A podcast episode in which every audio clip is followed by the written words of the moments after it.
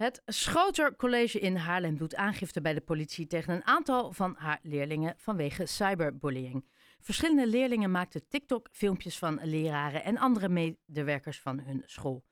In deze filmpjes is sprake van laster en smaad jegens enkele van onze collega's. Zo schrijft rector Arjan van Wavre in de brief aan leerlingen van de school. Bij ons Patricia Bolwerk, directeur-bestuurder van Stichting Stop Pesten Nu. Patricia, hi, goedemiddag. Ja, hi. Uh, ik wist niet wat ik las. Jij was helaas iets minder verbaasd. Ja, eigenlijk niet, zeg maar. Hè. Dat, Oh. eh, ehm, als ik eh, ehm, op scholen ben, zeg maar, voor voorlichting of vastles over online pesten. En dan vraag ik ook altijd van, goh, zijn er dingen die jullie er expliciet in genoemd willen hebben? Of hè, wat dingen wat wel eens gespeeld is, of als jullie gewoon eh, lastig vinden om bespreekbaar te maken, dan kaart ik dat aan. En dan krijg je dus ook altijd wel van het delen van, van nare foto's en video's, zeg maar, onder leerlingen. Maar ook dat er eh, situaties zijn geweest dat het over docenten ging. En, en in welke mate komt dit voor? Op hoeveel scholen komt dit voor? In, in Nou, welke ik denk dat dat op frequentie? elke school wel gebeurt. Ja. oh. Ehm, ik denk dat de mate erin dat dat wel verschilt, zeg maar. Ehm, dat het niet per definitie in, in aantallen uit te drukken is. Ehm, leerlingen willen natuurlijk alles doen om populair gevonden te worden. En dat is met het testen ook. En als zij dan een ingang zien, zeg maar, om dan leraren voor schut te zetten... en op die manier dan een soort populariteit te krijgen... ja, dan doen ze dat graag. Ja, en, en ehm, hebben, ik vraag me bij dit soort dingen af, hè, want nu worden er dus echt leerlingen, die, er wordt aangifte gedaan tegen die leerlingen. Ik kan me bijna niet voorstellen dat je op het moment dat je zo'n fotootje maakt of een meme maakt of een filmpje, dat je dan al vier stappen vooruit denkt als, nou, kind van 15, 16. Dat ze dit nooit hadden kunnen Nee. voorzien. Nee, nou, je hoopt natuurlijk wel hè, dat ze er wat beter over nadenken... dat, dat ze dingen kapot maken bij anderen. Maar... eh, Maar gebeurt dat? Denk je dat ze dit Het, nou ja, het schijnt dat het psychologisch brein zeg maar, nog niet uitontwikkeld is op die leeftijd. En ik had ergens van mij gelezen dat dat 23 of 26 jaar pas is. Dus het wil niet zeggen dat zij niet in de gaten hebben dat het misschien heel gemeen of heel kwetsend kan zijn. Wat ze misschien dan zelfs ook nog leuk vinden. Maar dat het zo lang op internet blijft bestaan en er misschien ook zelfs nooit meer afkomt. En misschien eh, consequenties heeft voor zo'n leraar in de rest van zijn leven. Ja, daar, daar hebben ze gewoon het besef helemaal niet van. Dan zullen ze echt denken van ja, zo'n paard zal dat toch niet lopen. En hoe, cre- wel. hoe, creëer, hoe creëer je als school, maar ook als ouder, want ik denk dat die taak bij beide partijen ligt, hoe creëer je dat besef? Nou ja, het, het gekke is wat je nu heel erg ziet, is dat scholen vinden dat ouders, eh, nee, ja, scholen vinden dat ouders het moeten oplossen, ouders vinden dat scholen het moeten oplossen. En ik vind dat ze het alle drie gezamenlijk moeten doen. Je hebt namelijk school, ouders en kinderen nodig om dit te tackelen. Je kan als school zeggen, ja, maar het vindt buitenschool plaats. Maar zij zijn de partij die beslissen dat zij een groep vormen. En dat maakt dus dat, je, dat zij de partij zijn die groepsafspraken kunnen maken. En kunnen zorgen dat die nageleefd worden. Ja. Ehm, ouders moeten ook gewoon in eh, dingen aangeven van wat oké is en wat niet. En gewoon denken van, nou, stel dat het nou een echte situatie is, zou ik dat in mijn huis willen.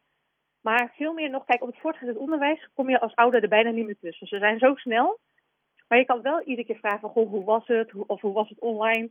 Of zie je je kinderen een beetje zo eh ja, ginnig grappend naar elkaar wijzen en naar de telefoon. Dan kan dat er wel eens op wijzen dat dat meelopers zijn. Dat ze iemand aan het uitlachen zijn. Ja. En dat je bijvoorbeeld zegt van, goh, wat is dat? Of als je ziet dat ze zelf somber worden qua gedrag. Dat eh, je gewoon eh, dingen gaat vragen van, goh, hoe was het op school? Of dat je zegt van, hé, hey, eh, hoe was online? Of laten zien wat je online doet, zeg maar. En het is niet dat ze dan gelijk alles vertellen.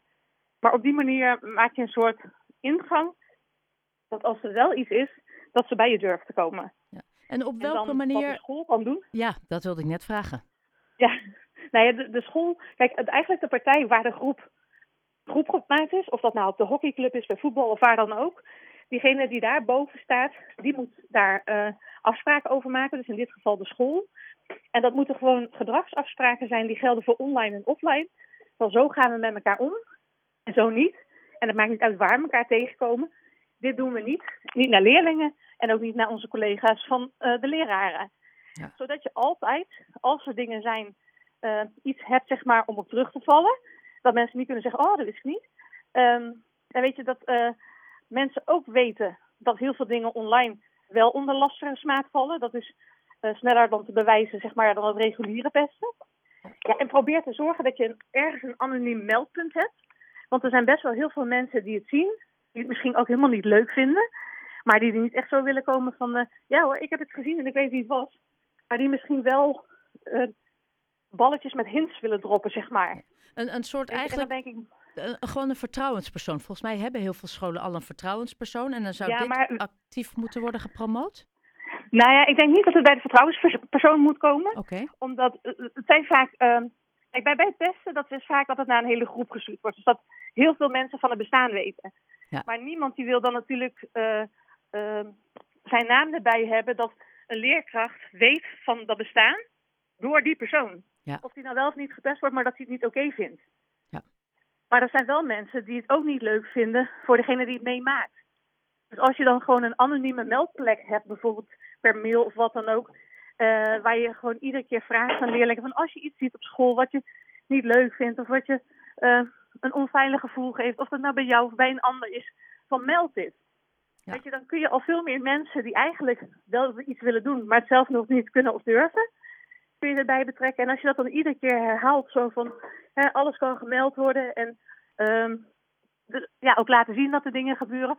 Ook heel duidelijk uitleggen voor als je iets zegt, maar um, je verwacht een follow-up, dan is dat niet de goede plek, want het is bedoeld dat het anoniem is.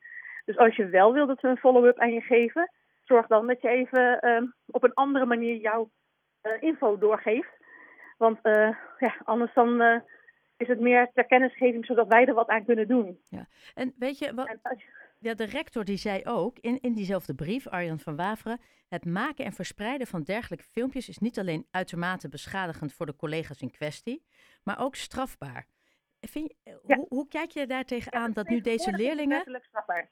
Straf, ja, dat, dat ze letterlijk, ja, dat hier gewoon een straf op zit. Het is nu aangegeven bij de politie. Is dat, is dat ja. effectief? Nee, ik vind het heel goed. Um, want uh, kijk, heel veel dingen van pesten zijn niet zomaar strafbaar. En uh, ik denk dat, kijk, van de online wereld lopen de jongeren voor op, de, op alle volwassenen. Dus op de ouders, maar ook op de leerkrachten. En uh, hebben ze dus weinig tot geen digitale opvoeding gegeven. Daarom is dat zeg maar zo belangrijk om dat in de, basisschool al te starten, zeg maar. En um, dus eigenlijk freestylen ze gewoon rond op een eigen manier. En dan gaan jongeren onderling het natuurlijk nooit over consequenties hebben. En het is altijd dat iedereen denkt, nou, maar dat zal mij niet overkomen. Nee. Weet je, dat heb je ook wel eens als je met mensen het hebt bijvoorbeeld over de ziekte kanker. En dat iedereen dan, of nou, heel veel mensen om je heen knikken zo van, oh ja, nou, dat zal mij niet overkomen. Ja. Maar, maar, dat, dat weten we allemaal niet. Nee. Weet je, alles kan ons overkomen. Morgen kan het gebeuren, of een dierbare van ons. Maar er zit op een of andere manier iets in ons mens zijn, zeg maar, dat, dat we gewoon willen denken dat... Wij onschendbaar zijn, dat het ons niet overkomt. Ja. En, nee, en... Ik weet niet of het onschendbaar is of gewoon een soort naïviteit dat je denkt van, ja, weet je, dat kan mij niet overkomen. Zeker op die leeftijd. Ja. En, en uh, ja, daar zijn ze eigenlijk gewoon, uh, ze hebben misschien, nou, ze hebben eigenlijk gewoon volwassen lichamen, laten we het zo zeggen. Ze zien er ook uit als volwassenen. Alleen dat stukje in hun hele um, hersengebied ja, dat is, is gewoon nog lang niet volwassen. Ja. Denk... En daardoor is het zo belangrijk dat ze die inzichten krijgen. Ja, dus het is een combinatie van ze goed voorlichten door zowel een school als ouders, maar ook kinderen zelf, hun bewustzijn creëren. Nee, weet je, je kan ook de kinderen voorlichting laten maken. Hè? Dat ja. je bijvoorbeeld aan, aan de, de, leerlingen in de, de laatste klasse in 4 of 5 vraagt van, goh, um, uh, willen jullie een presentatie maken voor de leerkrachten wat er allemaal met online testen kan gebeuren met de ergste voorbeelden erbij. Ja. Um, maar ik heb heel veel presentaties gegeven aan klassen. En toen dacht ik, ik ben eigenlijk ook gek dat ik die voorbeelden ga noemen. Want zij kunnen veel meer voorbeelden bedenken dan dat ik ja. laten zien. Ja, en, en misschien, doordat je ze, en misschien doordat je ze dan ja, zelf laat zoeken. laten zien van wat het doet met iemand. Of uh, wat het, dat als een pester dingen zegt, dat blijft ook online staan. Dus als jij iedere keer lekker gemene dingen doet en je wil laten als ja, ergens gaan werken, dan kan het zijn dat die werkgever denkt, ja, jou wil ik niet. Weet je, we hebben nou een leuke werksfeer. En uh, ja, we hebben geen zin in de boel die, uh, iemand die de boel gaat saboteren. Ja. ja en mogen je niet opzoeken. En bedenk ook voor die leraren. Eh, ik bedoel, je weet niet in hoeverre het gemanipuleerd is. Of althans, het blijft altijd online. En het is natuurlijk gemanipuleerd, maar een half jaar later, het heeft toch een bepaalde impact en het zal toch altijd aan je blijven kleven. Ik ben ook heel benieuwd. Ja, weet je wat... waarom het zo moeilijk uh, offline te krijgen is? Het ja. is? Er zit niet een unieke code achter een foto of een video. Dus iedereen kan het opslaan op zijn eigen telefoon. En dan is er misschien op dat moment even van internet. Maar als daarna mensen het weer gaan uploaden, ja. moet je het weer opnieuw vinden, zeg maar. Het zou zo mooi zijn als we op een gegeven moment op een systeem komen dat elke video, elke foto, zeg maar, een unieke, uh, onuitwisbare code heeft, ongeacht wat voor naam jij die geeft. Dat uh, als die weer geüpload wordt en het hoort zeg maar bij uh, de, de verkeerde beelden, dat hij gelijk zegt, hé, hey, wacht, ja. dit is weer gesignaleerd. En natuurlijk zijn ze daar allemaal wel mee bezig op de achtergrond om dat soort dingen te ontwikkelen, maar het is er nog niet. Dus ik denk dat het heel goed is dat die toon gezet wordt dat ze ook beseffen dat dit ook lastige smaken zijn als het om hun gaat of hun klasgenoten. Dus dat als mensen het meemaken, dat ze het ook durven melden. En uh, dat ze niet denken van, nou, zo zullen ze het wel niet bedoeld hebben. En ondertussen is het goed die afspraken blijven monitoren. Je kan niet zien wat ze doen. Daar zijn ze echt veel te vlug voor en weten ze echt veel te veel uitzonderingen. Ja. Maar je kan wel zeggen van, nou, dit doet het met een slachtoffer, dit doet het met een pest. En niet in de, um, zozeer van, uh, vanuit de zielige hoek, hè, want dat, dat, dat doet met die breinen ook nog te weinig. Maar ze echt actief aan het werk zetten, gewoon van tussendoor met casussen van uh, wat dat is. En dan echt met reflectie en inzicht vragen uh, om daar te komen, maar ook van waarom de pester dat doet, waarom de meelopers, waarom gaan mensen het allemaal delen. Ja, je moet, volgens mij moet je er zowel als ouder als school bovenop zitten. Ja. Patricia, ja, je kan echt niet zeggen dat een van de twee het moet doen, want de, je hebt echt elkaar nodig. Want ja. um, allebei heb je een deel van de opvoeding, de een op school en de ander thuis. Ja. En die moet op elkaar aansluiten. Ik ben heel benieuwd hoe dit afloopt en welke straffen daar ook tegenover worden gezet. Heel erg bedankt voor je toelichting en je visie. Patricia Bolwerk uh, van de stichting Stop Pesten Nu. Dank je wel. Graag gedaan.